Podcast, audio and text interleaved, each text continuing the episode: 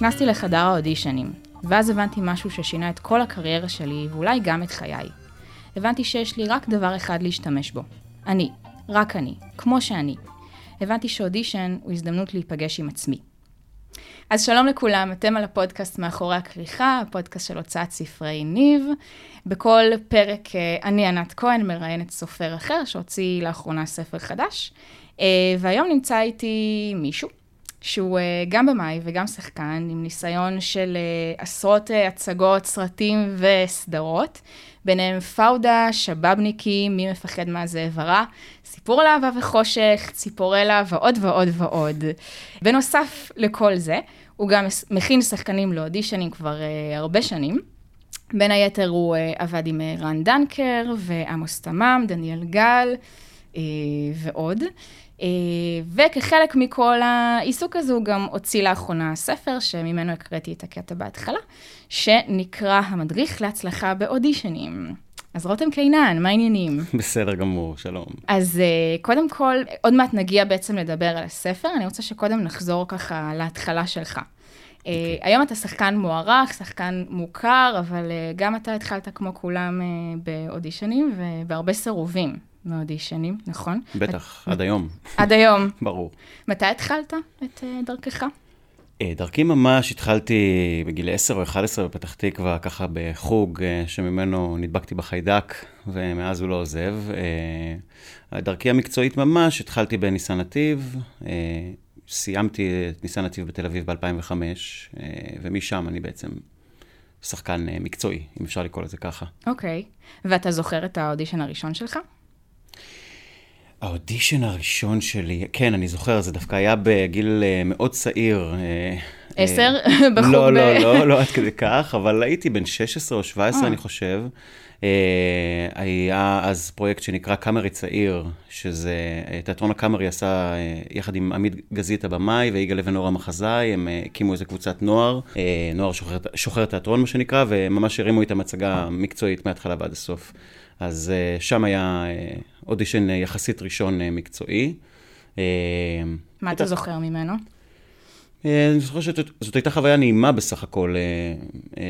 באתי ממגמת תיאטרון, היו איתי חברים שם, אז הרגשתי ככה בטוח בעצמי, היינו כזה חבורה. Hmm. עמית גזית הבמאי היה מאוד נחמד ומאוד אדיב. עשינו גם אימפרוביזציות שם. זה היה אודישן מאוד נעים, יחסית לחוויות שאולי יבואו אחר כך. זהו, אז באמת אה, בהקדמה של הספר, אם אתה רוצה לדבר על זה, אז בעצם אה, מופיע אודישן אה, מאוד מיוחד, נכון? שעשית ב-2009, אם אני לא טועה? 2010, אני חושב, או 2011, זה היה אודישן לסרט ההתחלפות של ערן קולירין, שזה היה סרט הבא שלו אחרי uh, ביקור התזמורת, שהיה הצלחה פנומנלית uh, בארץ ובעולם. והיום הוא עוד יותר. והיום הוא עוד יותר, uh, זכה בגרמי לא מזמן, כן. מזל טוב לו על זה. והוזמנתי לאודישן, לתפקיד, קיבלתי במייל את הטקסט של האודישן, והיה רשום לי שהתפקיד הוא של יואב. למדתי בעל פה והתכוננתי לאודישן, והגעתי חדור מוטיבציה ורוצה להוכיח את עצמי. בן כמה היית? הייתי בן uh, 26. אוקיי, אני חושב, קצת אחרי ניסן נתיב. אה, קצת אחרי ניסן נתיב, כן, זה היה לא רחוק אחרי ניסן נתיב. והגעתי לאודישן וככה התחלתי את הטייק, אה, מה שנקרא, את הסצנה, אה, ועצרו אותי ישר על ההתחלה ואמרו לי, מה אתה עושה? אז אמרתי את מה שביקשתי ממני, ואז התברר לי ש... שלחו לי את האודישן הלא נכון, לדמות הלא נכונה, היא בכלל דמות של מישהו בן 50. Mm-hmm. ועל המקום, אורית אזולאי, שהייתה מלהקת, נתנה לי שתי סצנות, אמרה לי, זה תפקיד של עודד, שלחו לך מייל בטעות, אנחנו מתקצרים. תשכח מיואב. תשכח מיואב, קח לך כמה דקות מחוץ לחדר, תחזור, תעבור על הסצנה, ואז תחזור לעשות אודישן.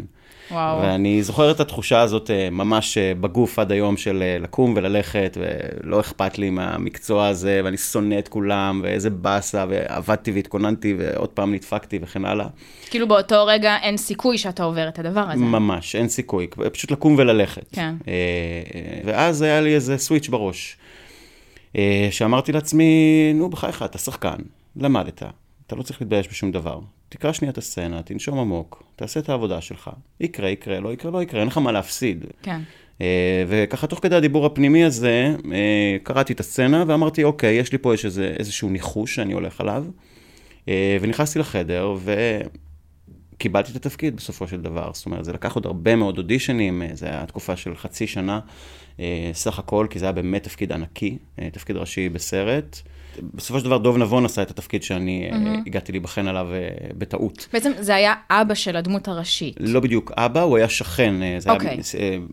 היו לבחור שכנים בבניין, ועם אחד השכנים הוא מתחבר. אה, אז אה, דוב שיחק את, אה, את אותו שכן. אוקיי. ואז קיבלת את התפקיד הראשי, שלא ציפית כן, לזה בכלל. כן, ואז, ואז באמת, זאת אומרת, לא, לא הבנתי בגלל שקיבלתי, אלא ברגע הזה, בחדר ההמתנה, בין החושך של לקום וללכת לאור של אולי בכל זאת, הבנתי שזה באמת הזדמנות להיפגש עם עצמי, כאילו, כמו שאני, באמת, חשוף, פגיע, חסר ביטחון קצת במידה מסוימת, אבל גם עם איזשהו ארגז כלים שהוא אני, אה, שקשור למה שלמדתי וקשור לאיפה שבאתי איתו. אה, ולקחתי את כל זה והשתמשתי, פשוט אה, הלכתי על זה עד הסוף, וזה עבד. כן, אבל מאיפה הגיע הביטחון? זאת אומרת, כי באותו רגע אתה אומר לעצמך, שיט. התכוננתי הרבה בבית, אבל למשהו אחר לגמרי, ואז פתאום אתה בא לא מוכן, מופתע לגמרי, מה... ואמרו לך אז שזאת הדמות הראשית? כן. אוקיי. וזה עוד יותר הוריד לי את הביטחון כמובן, כן. כי בכל זאת. כן. אה, גם אה, בערך עשר דקות לעבור על שתי סצנות חדשות שלא כן. קראתי אף פעם, וגם לדמות הראשית. כן. אחד הפרקים בספר, אה, אני מדבר על להפוך בעיה לפתרון. או בעצם להפוך את הדפקט לאפקט. Mm. וזה בעצם, עוד לא ידעתי אז שאני קורא לזה ככה, אבל זה בעצם מה שעשיתי. אמרתי, אוקיי, אין לי מושג מה לעשות בסצנה הזאת, אני קורא אותה בפעם הראשונה, אני מבין אותה בפעם הראשונה, מה שאני מבין ממנה, ואז אמרתי לעצמי, רגע, גם הדמות אומרת את הדברים האלה בפעם הראשונה, חווה אותם בפעם הראשונה, כן. לא לגמרי בטוחה במה שהיא אומרת ואיך היא אומרת. ואז אמרתי, בעצם אין לי פה מה לשחק. אני יכול להיות אני, mm. עם הטקסט שמבקשים ממני לומר, אה, ופשוט ללכת על זה. עכשיו, יש פה עניין של אה, אומץ אה, במידה מסוימת, או לקחת סיכון, אבל זה מה שאני אוהב במקצוע. אני עומד כל ערב על במה מול אלף איש, זה נורא מפחיד, כן. אבל זה מה שאני אוהב, אני, אני נהנה מזה, כאילו זה, זה הקיק. כן. אז uh, מצאתי את, ה, את הדרך לעשות את זה גם באודישן, באודישן הספציפי הזה וגם באודישן שבאו אחריו. Uh, וזה מאוד, uh, מאוד אפקטיבי. איך אבל מתמודדים עם הלחץ הזה של האודישנים? אנשים רגילים אולי מתמודדים עם uh, רעיונות עבודה mm-hmm. מדי פעם, mm-hmm. או... אבל uh, אודישן זה כל פעם, שוב ושוב, לעמוד בפני הדבר הזה, בפני הלחץ. גם אולי אחרי זה נדבר על איך מתמודדים עם הכישלון, אבל mm-hmm. קודם, איך מתמודדים עם הלחץ?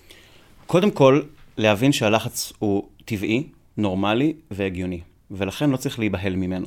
אה, אני אומר הרבה פעמים שבן אדם שלא לחוץ לפני מבחן הוא היוצא דופן, ולכן קודם כל לקבל את זה שיש לחץ. והדבר הבא הוא לנסות לבחור על מה לחשוב בתוך הלחץ. אוקיי. Okay. זאת אומרת, הלחץ הוא דבר נורא כללי, אני לחוץ, אני חרד. Mm-hmm.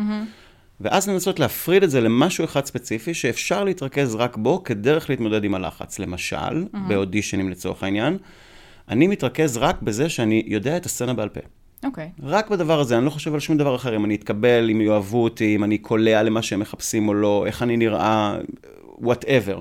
כל הדברים האלה יוצאים החוצה ונשאר רק אה, נקודה אחת. ברגע שאני מתרכז בנקודה אחת, זה מאוד מפיג את הלחץ ומאוד עוזר להתמודד עם זה.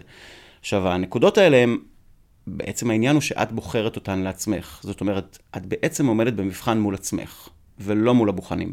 הבוחנים יכולים לחשוב את מה שהם רוצים והכל בסדר. אם הם יקבלו אותי אחלה, אם הם לא יקבלו אותי אחלה, ניפרד כידידים. Mm-hmm. אבל אני מאודישן לאודישן משתדל להשתכלל מול עצמי.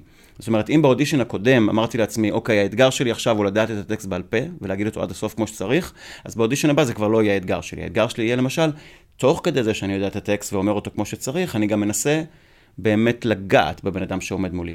אה, ואז לאט לאט מרימים את הרף של האתגר, ואז לאט לאט הלחץ גם יורד. כן. כי את בוחרת על מה לחשוב. וזה דבר שמתאים אגב גם לרעיון עבודה, אה, וגם ל, לפעמים אפילו לד, לדייטים. אוקיי. Okay. זאת אומרת, זה ממש אה, אה, הניסיון להיות נאמן לעצמך, כמה שיותר, נאמנה לעצמך. כן. אה, וזה חיפוש. אני מחפש אותו עד היום, אגב. זה שכתבתי ספר על הכנה לאודישנים ואני מכין שחקנים, אני יודע כמה דברים, אבל אני עדיין לומד, עדיין מתנסה, עדיין חווה עם עצמי המון אה, תחושות. לי באופן אישי היה לפני חודש אודישן איום ונורא. כן? איום ונורא. ואני מלמד אה, מהבוקר עד הערב, ועדיין...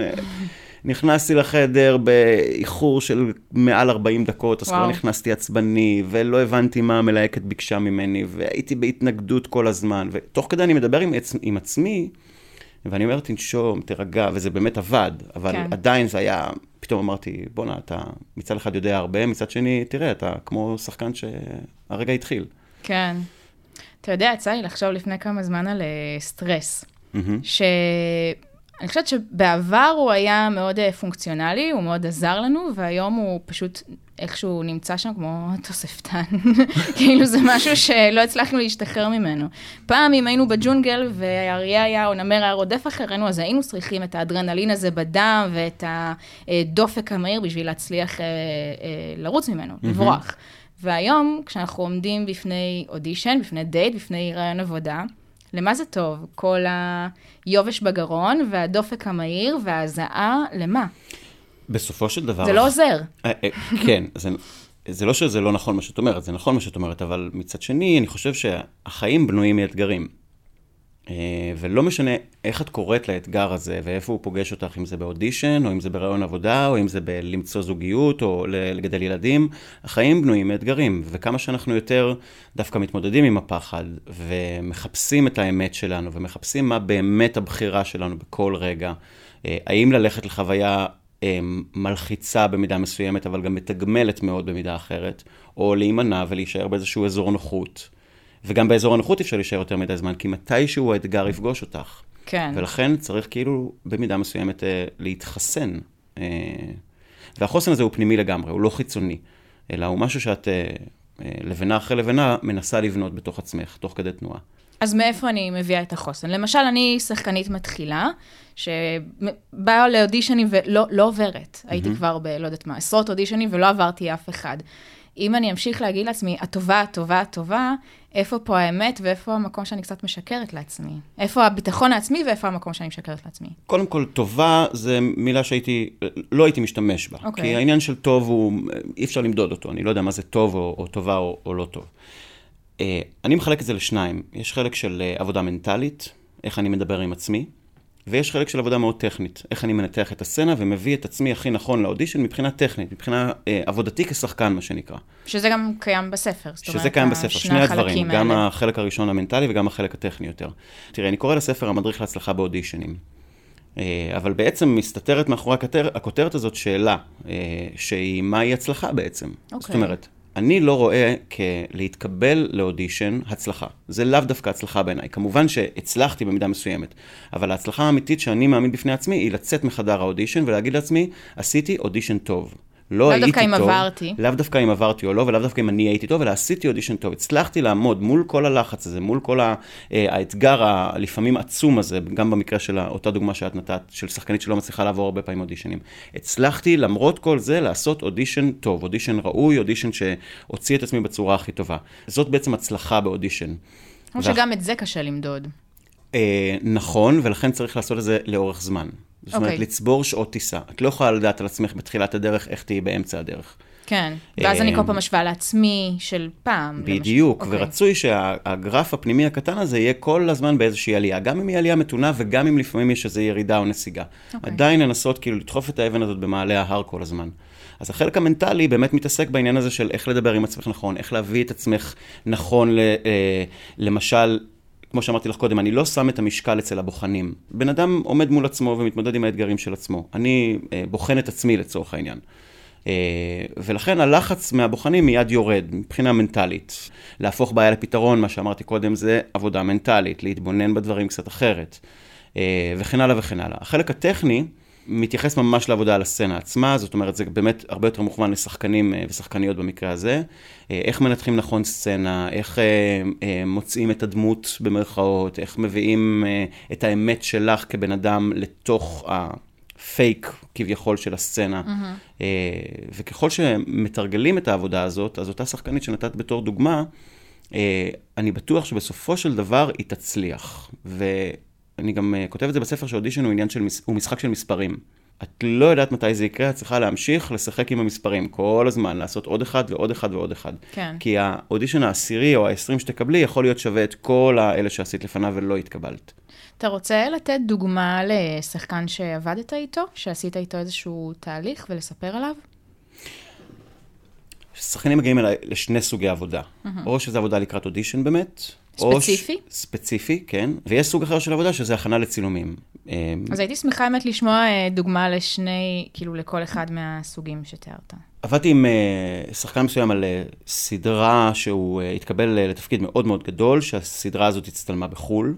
אוקיי. אה, הוא היה שם, אני חושב, חודשיים או שלושה חודשים של צילומים.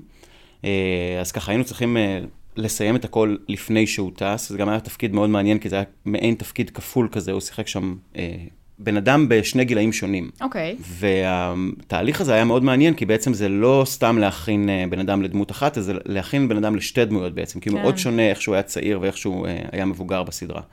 אה, והמסע הזה היה באמת, גם, גם לאותו שחקן וגם לי, היה מאוד מעניין מבחינת הגילוי של איך אנחנו משתנים. זאת אומרת, אני היום אה, בן 39 לצורך העניין, ואני מסתכל על עצמי בן 26, או אני מסתכל על עצמי בן 15, אני מזהה המון דברים, אבל אני גם מתנער מהמון דברים, וזה היה חתיכת אה, גילוי מעניין לשנינו, תוך כדי העבודה על הסצנות. מעניין. אה, ולאודישנים ספציפיים, תשמעי, אה, בהכנה לאודישנים זה גם בדבש וגם בעוקץ. כי מצד אחד אני יכול להכין איזה שחקנית, והיא תגיד לי אה, אחרי האודישן, אה, התקבלתי. כן. ואז זה נורא משמח אותי, כי גם אני שמח בשבילה, וגם אני שמח כמורה, כי אני אומר איזה יופי שעזרתי לה. אבל אה, לאותו תפקיד שהשחקנית הזאת קיבלה, נבחנו עוד 12 בנות, לא כולם היו אצלי כמובן, כן. אבל אלה שהיו אצלי, הן לא התקבלו בעצם. אז אני מקבל גם את העוקץ של הדבר בלהגיד, ברור. איזה באסה, היית מצוינת, לא נורא, פעם הבאה, כאילו. כן. אה, אז זו חוויה שאני חווה די הרבה פעמים. אה, אני משתדל לשלוח ליקום איזושהי בקשה לאיזון כזה, שמי שמקבל עכשיו, אז הבאה תקבל אחר כך, כן. וכן הלאה וכן הלאה. לפעמים זה עובד.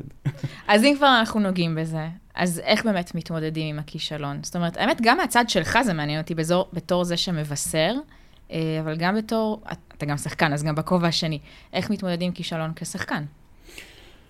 וגם, אתה יודע מה, אני חושבת על זה שאני יכולה לעבור, לא יודעת מה, אה, שלושה אודישנים, ואת הרביעי אני פתאום לא אעבור, רגע לפני. זה- בטח, זה מאוד, זה נורא. מפיל. זה מפיל נורא. יש, יש דבר שנקרא callback, ואחר כך יש דבר שנקרא match. זאת אומרת, יש אודישן ראשון, אחריו יש, אה, היית טובה, אנחנו קוראים לך שוב, זה גם מה שנקרא callback, ואז יש שלב של match, היית כל כך טובה, שאנחנו רוצים לבדוק אותך מול עוד שחקן שאנחנו חושבים לקחת אותו לתפקיד, אה, נגיד, בעלך, או אבא שלך, או אה, משהו כזה. אוקיי. ואז ממש בודקים אתכם ביחד.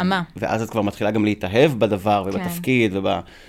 ואז את לא מקבלת, כן. וזה נורא כואב, כי ככל שמטפסים יותר גבוה, זו נפילה יותר uh, קשה. Uh, איך מתמודדים עם כישלון? אני לא רואה בכישלון דבר רע, בכלל. אני uh, יכול להגיד לך בפה מלא שהכישלונות שלי בנו אותי, הרבה יותר מההצלחות שלי. הצלחות זה דבר נורא רגעי וחולף וחמקמק, וכישלון הוא דבר שנשאר איתך הרבה זמן, והוא יכול לבנות אופי, או לפחות לחזק אופי. ולכן כשיש כישלון, גם לי באופן אישי וגם לשחקנים או שחקניות שאני עובד איתם, אני אומר, הכל בסדר, תקבלו את זה בברכה. תהיו יום, יומיים, שלושה מדוכאים, מותר, תנו לזה לצאת החוצה, ואחר כך תרימו את הראש, תמשיכו הלאה, אל עבר האתגר הבא, אין דרך אחרת. אני לוקח הרבה פעמים דוגמאות מספורט, אז לצורך העניין, הפסד ממתיק את הניצחון. Hmm. זאת אומרת, ברגע שהפסדנו השנה, אבל שנה הבאה נצליח, אז הניצחון יהיה הרבה יותר מתוק, בגלל שאנחנו יודעים מה זה להפסיד. כן. אז uh, גם מי שמצליח כל הזמן, uh, זה מאוד קשה. אני אתן לך דוגמה, למשל, באים אליי הרבה שחקנים, uh, מה שנקרא A-ליסט. זאת אומרת, שחקנים מאוד מפורסמים, מאוד עסוקים וכן הלאה. להם הרבה יותר קשה משחקנים מתחילים, כי הם כבר נגעו בדבר. זאת אומרת, מהם מצופה כבר, הם עשו נגיד כן. תפקיד ראשי בסדרה, או אפילו כמה תפקידים ראשיים בסדרה. אז היום אה, הם לא יכולים במרכאות ללכת לתפקיד קטן יותר. כן. הם חייבים להישאר איפה שהם נמצאים. וזה מועד לפורענות, כי כמה תפקידים גדולים כבר יש, וכבר אנחנו נגיד ראינו אותו כבר, מה, ניקח אותו עוד פעם? כן. אז אני אומר, לא, בוא, ת, תנשום עמוק, אתה שחקן, אתה מחפש לעבוד במקצוע, אז תרד קצת למטה, ואחר כך תעלה שוב למעלה, ותעניין את עצמך, ותמצא אתגרים חדשים לעצמך. אה, אסור להתמכר להצלחה שלנו, כאילו, וגם באותה מידה אסור להתמכר לכישלון שלנו. צריך למצוא איזושהי דרך מאוזנת באמצע, שיכולה להכיל גם הצלחות ולקבל אותן בפרופורציות הנכונות, וגם כישלונות ולקבל אותן בפרופורציות הנכונות. קרה לך שהיה איזשהו שחקן או שחקנית שעבדת איתם, שלא עברו אודישנים, ואמרת לעצמך, אולי הם לא במקצוע הנכון. זה קורה ביני לביני. זאת אומרת, יכול לשבת מולי בן אדם, ואני מסתכל ואני אומר, כן, יכול להיות שהם לא במקצוע הנכון. אני בחיים לא אומר את זה, כי מה אני יודע? Mm. זו דעתי. כן, אתה מרגיש שאתה לא, שאתה לא יודע? שדעתך... על מסלול חייו של בן אדם, או על קריירה של בן אדם, ממש לא. אם הוא שחקן טוב או לא? אז הוא ילמד אם הוא לא שחקן טוב. כן, זה משהו ש... שאפשר בטח, ללמוד? בטח, ברור. וגם הרבה פעמים שאפתנות לצורך העניין, או, או תשוקה, או מוטיבציה, הם מנועים הרבה יותר חזקים מכישרון. יש המון דוגמאות כאלה, גם במשחק וגם אגב בכמעט כל מקצוע. בהכל, כן, ברור. לגמרי. אני, מה אנחנו יודעים? בן אדם צריך לבנות לעצמו את המסלול שלו, אני יכול לחשוב מה שאני רוצה, אבל זה דעתי האישית ולא שום דבר אחר. כן. ובאמת אני יכול להגיד לך מניסיון שיש דוגמאות חיות לאנשים שאת אומרת, mm, לא נראה לי, ופתאום כמה שנים אחרי את אומרת, בואנה, תראי לאן הוא הגיע. כן. כל הכבוד. נכון. ואתה חשבת לאורך הדרך, אולי זה לא המקצוע שלך? קודם כל עבדתי בהמון עבודות שלא קשורות למשחק. אה, כן? ב... מה למשל? אה, הייתי סוכן ביטוח, הייתי אה, מלצר בסנוקר. הייתי מלצר באין ספור מקומות בתל אביב ופתח תקווה. אבל סוכן ביטוח זה וואו. ניקיתי בתים תקופה מאוד ארוכה. עבדתי בהרבה מאוד עבודות שלא קשורות למקצוע כדי להתפרנס mm. בתקופה אחרת של חיי, mm-hmm. אבל לעזוב את המקצוע אף פעם לא חשבתי. אני כן משתדל להחליף כובעים. זאת אומרת, אה, אם אני מרגיש שאני משחק יותר מדי, אז אני מחפש הזדמנות לביים. אה, הייתה תקופה שהרגשתי שאני מביים יותר מדי, אז חזרתי קצת למשחק. אה, הוראה ולימודים, איכשהו זה כל הזמן מלווה אותי, ומאוד נוח לי עם זה, אני מאוד נהנה מזה. אז אני נשאר במקצוע, אבל מדי פעם מחליף כובע. כן. בשביל לעניין לעצמי בעיקר. כן, לגוון. כן. ושגם הקהל לא ישתעמם, שהוא כל פעם מקבל בדיוק. רותם אחר. אני בשמחתי גם משחק גם בתיאטרון וגם בטלוויזיה סלש קולנוע, אז זה באמת עולמות מאוד שונים אחד מהשני. אז מה שאת מרוויחה, אה, מרוויחה פנימית, אני מתכוון, במקום מסוים, אז את אה, לא מרוויחה במקום אחר, אבל את מרוויחה דברים אחרים. כן. אז... אה, אבל הפידבקים בטלוויזיה הם לא אותם פידבקים של התיאטרון, נכון? טלוויזיה פשוט חושפת אותך מאוד מהר ומאוד חזק. זאת אומרת, אם... כן, אבל זה לא מייד, זאת אומרת, אתה לא באותו רגע מקבל את התגובה. ממש לא, זה יכול לקרות שנתיים אחרי. הדוגמה של ההתחלפות אה, הייתה חצי שנה של אודישנים, שלושה חודשים של צילומים, ואז שנה וחצי עד שהסרט יצא. וואו. עכשיו, שנה וחצי, אני קיבלתי תפקיד ראשון בסרט קולנוע, כן. תפקיד ראשי, אני מחכה, אני לא ישן בלילות, כן. כאילו, שיצא כבר, שנה וחצי. וואו. זה יותר מ... כאילו כבר שכחת ש... כן, ממש. נכון, הריון כפול בעצם. כן, שני הריונות. אז, לפעמים צריך סבלנות ואורך רוח גם uh, הרבה פעמים. כן. בטח. Uh, ותגיד, דיברנו על זה ככה ממש בקטנה, אבל איך אפשר בעצם להפיק מהספר שלך, זאת אומרת, המדריך להצלחה בדברים אחרים בחיים? אפשר להתייחס לזה כ- כמשהו שהוא לא רק לשחקנים. אה, לשמחתי, אה, הספר אה, נקנה גם על ידי הרבה מאוד אנשים שהם לא שחקנים, ואני מקבל המון תגובות שבכלל לא ציפיתי לקבל, שזה עוזר לאנשים ברעיונות עבודה ובכלל בהתמודדות עם הרבה דברים בחיים. אני חושב שהחלק המנטלי של הספר, החלק שבו אנחנו מדברים לעצמנו ומתייחסים לעצמנו, הוא יכול להדהד להרבה מאוד תחומים. כי...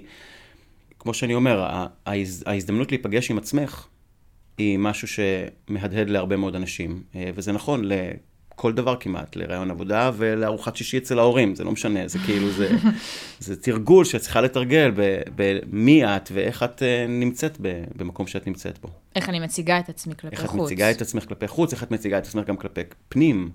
לאן את מכוונת, מה את, אה, מה את מצפה מעצמך, איך אני מציגה את עצמי כלפי פנים, למה אתה מתכוון? אמ, אני מתכוון, כשנגיד, בואי ניקח דוגמה של, את הולכת לאודישן. Mm-hmm. אז אה, השאלה היא, אה, אני למשל אומר שזה לא שאלה של אה, דחייה, זה שאלה של קבלה. זאת אומרת, זה לא שדחו אותך, אלא קיבלו מישהי אחרת. כן. אז להתייחס לעצמך נכון, או להציג את עצמך נכון, זה להבין שהאתגר פה הוא מקצועי ולא אישי. זאת אומרת, האם אני מתאימה לתפקיד, או האם אני לא מתאימה לתפקיד. זה מאוד זה קשה להפריד את זה. מאוד קשה, אבל ככל שמתרגלים את זה יותר, זה, זה הדבר, זה הליבה של הדבר. כן. אה, אני יכולה להגיד על עצמי, שאני uh, עצמאית, יחסית בתחילת דרכי, ואני מניחה שלא כמו שחקנים, אין מה להשוות, אבל אני שמעתי הרבה לא. וזה מאוד קשה כל פעם להרים את עצמך ולהגיד, תמשיכי לעשות את זה. כאילו, לא, לא להקשיב לקולות האלה מבחוץ. להגיד את זה לעצמי. ו, ומאוד קשה גם להפריד את העניין המקצועי ולהגיד, או שלא התאמת או מישהו אחר התאים, או אפילו לא היית טובה בזה, אבל זה עדיין אומר שאת כבן אדם בסדר, אם אני... אתה מבין מה אני אומרת? ברור. אומרת, קשה להפריד את המקצועי מהערך העצמי שלי כבן אדם. זה חלק ממי שאני. נכון, ולכן אני מאמין... חלק גדול. מסכים איתך במאה אחוז. אני מאמין שאנחנו צריכים לחפש הצלחות קטנות. צריך לכוון למקומות שאת יכולה לעמוד בהם, ואז כשאת עומדת בהם, לכוון למקומות אחרים. זאת אומרת, שוב, בואי ניקח עכשיו אה, דווקא דוגמה של אה, רעיון עבודה, אוקיי? מהמם. לצורך העניין. לא עברתי כל כך הרבה רעיונות עבודה, ואני עכשיו עומד בפני הרעיון הבא. אני שם לעצמי אתגר שברעיון הזה, כל מה שאני רוצה זה שיהיה חיוך אמיתי ביני לבין המראיין או המראיינת. זה הכל, אני מתרכז רק בזה, בהצלחה הקטנה הזאת. הצלחתי אותה, זהו. עכשיו ברעיון הבא אני אנסה משהו אחר, אבל לא לשים לעצמי, זהו, עכשיו אני חייב להתקבל, עכשיו זה חייב לקרות. כי מה הסיכוי שלך? כן. את מלחיצה את עצמך מלכתחילה, ואז אה, זה, הגוף שלך מדבר את זה, את מבינה מה אני מתכוון? כאילו, כן. זה יוצא החוצה. כן. אה, אני למשל אומר הרבה פעמים לשחקנים באודישנים, אל תתנצלו.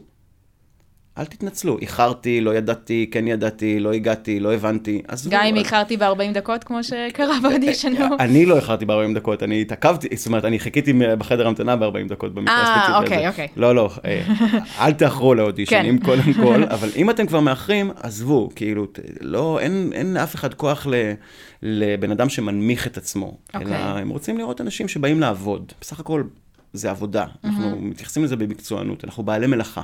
כן. אז אה, תראו את המלאכה שלכם, בלי להגיד, אה, תשמעו, הארון הזה הוא קצת... אה, זה." עזוב, תראה את הארון שהכנת, אני אחליט אם הוא טוב או לא. כן. אתה, אתה רוצה לספר על תגובות שקיבלת מהספר? מאנשים שקראו אותו? האמת שהתגובות מרגשות ומחממות את הלב מאוד, אני חייב להגיד. כאילו, אני אתחיל מזה שהרעיון לספר עלה לי בגלל שיש הרבה מאוד ספרים להכנה לאודישנים באנגלית, ואין אף אחד בעברית. Hmm. אה, וזה פתאום ככה היכה ביום אחד, ואז אמרתי, אוקיי, אולי אין כי לא צריך. מצד שני, אני לא יודעת שאני לא אנסה, אז... כן. אה, ואז שכתבתי את זה, וככה פתאום את קוראת את הספר שאת בעצמך כתבת, ופתאום את אה, נרעשת מזה וכן הלאה. לא משנה, אחרי כל התהליך שהוצאתי את הספר, אמרתי, אוקיי, עכשיו הוצאתי את הספר, בוא נראה מה, מה באמת קורה, אם כיוונתי נכון או לא. והתגובות מראות שכיוונתי מאוד נכון. זאת אומרת, זה עוזר לאנשים גם ברמה האפקטיבית והפרקטית של אה, אודישן כזה או אחר וההתמודדות איתו. ושוב, לאו דווקא במובן של התקבלתי או לא, אלא איך הרגשתי כשיצאתי מהחדר אודישנים. אה, וזה גם עוזר לאנשים ברמה של אה, לסדר את הראש. זאת אומרת, לחשוב נכון, להסתכל על הדברים נכון, לדעת לאן אני מכוון, לדעת איך אני מדבר עם עצמי, איך אני אה, מרים לעצמי לצורך העניין, או איך אני מתמודד עם כישלון כשהוא מגיע. אה, והתגובות שאני מקבל במקרה הזה הן אה, באמת שהספר נוגע לאנשים בדיוק במקומות שחשבתי שהוא יכול לגעת בהם. אה, וכל תגובה כזאת היא כאילו, אני קופץ לשמיים אה, מרוב שמחה. כן? אה, זה ממש משמח אותי, כי זה... אני לא באמת ידעתי מה הולך לקרות כשהוצאתי את הספר הזה. גם היה לי בראש סיוטים של כישלון, ומה אתה בכלל יודע, ואיזה שטויות כתבת, וכן הלאה וכן הלאה. כמו אודישן. כן, במידה מסוימת כן. ואגב, אני הרבה פעמים אומר לעצמי, practice what you teach. זאת אומרת, תתמודד, כן. אה, תוציא ספר. כאילו, זה, זה בדיוק הסוג האתגרים שדיברנו עליהם קודם, כן. כאילו, זה הכי מפחיד בעולם. ממש. אה, ועוד קהל של שחקנים זה קהל יחסית מצומצם, זאת אומרת, זה איזה... נישה. אה, נישה כזאת שאני בתוכה, ו... והשם שלי שם, ומה שחושבים עליי ומדברים עליי שם. שוב, לא שיש לנו שליטה על זה יותר מדי, אבל כן...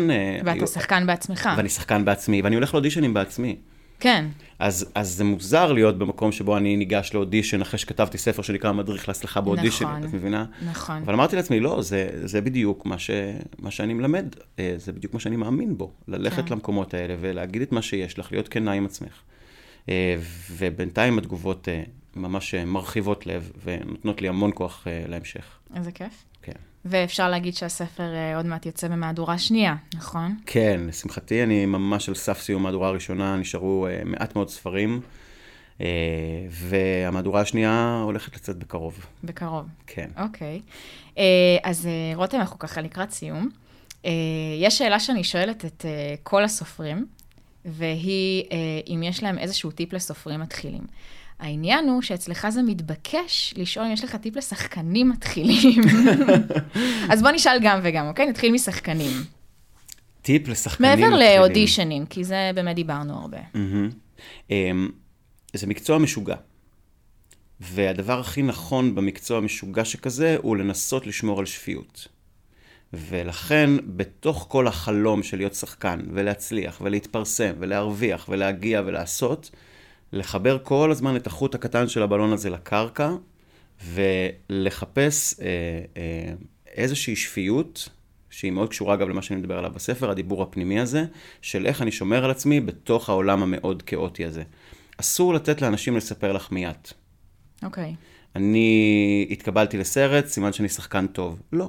אתה התקבלת לסרט כי היית הכי מתאים לסרט. אתה שחקן טוב ויש הרבה מאוד שחקנים טובים אחרים. זהו, חשוב להגיד שלפעמים זה לא אומר שאתה פחות מוכשר, זה אומר שהם חיפשו טייפ אחר או משהו. לגמרי, ולכן אני אומר שזה לא שאלה של דחייה, זה שאלה של קבלה. לא כן. דחו אותך, קיבלו מישהו אחר. כן. ויום אחד יקבלו אותך. כן. וזה לא בגלל שאת מדהימה, יכול להיות שאת מדהימה, אבל זה לא רק זה.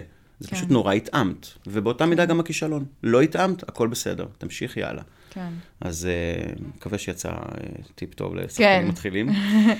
אה, לגבי, אתה יודע מה, רגע לפני שנדבר על טיפ לסופרים, אה, אולי תגיד בכמה מילים על התהליך של הכתיבה.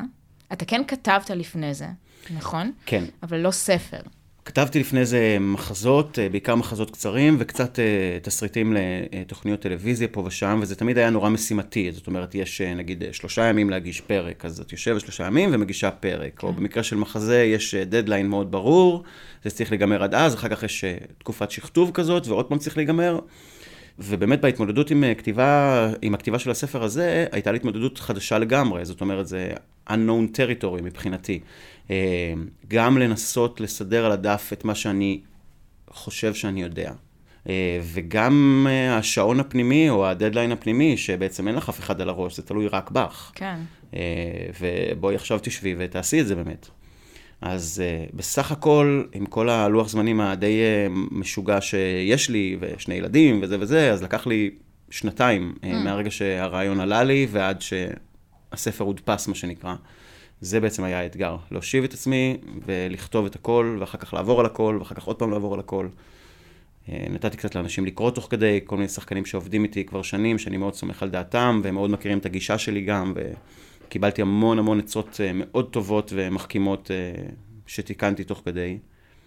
אה, וזהו. אז הטיפ, אולי בנושא של ההתחייבות באמת? טיפ לסופרים מתחילים. כן. אני יכולה להגיד, בהקשר של מה שאתה אמרת, יש מישהי שאני מכירה, שהיא כותבת ספר עכשיו, והיא שלחה כזה הודעה לעשרה אנשים, חשובים, mm-hmm. מבחינתה שהיא מחזיקה מהדעה שלהם, שהיא הולכת לשלוח להם פעם בשבוע אה, בגוגל אה, Google Drive mm-hmm. את הפרק החדש.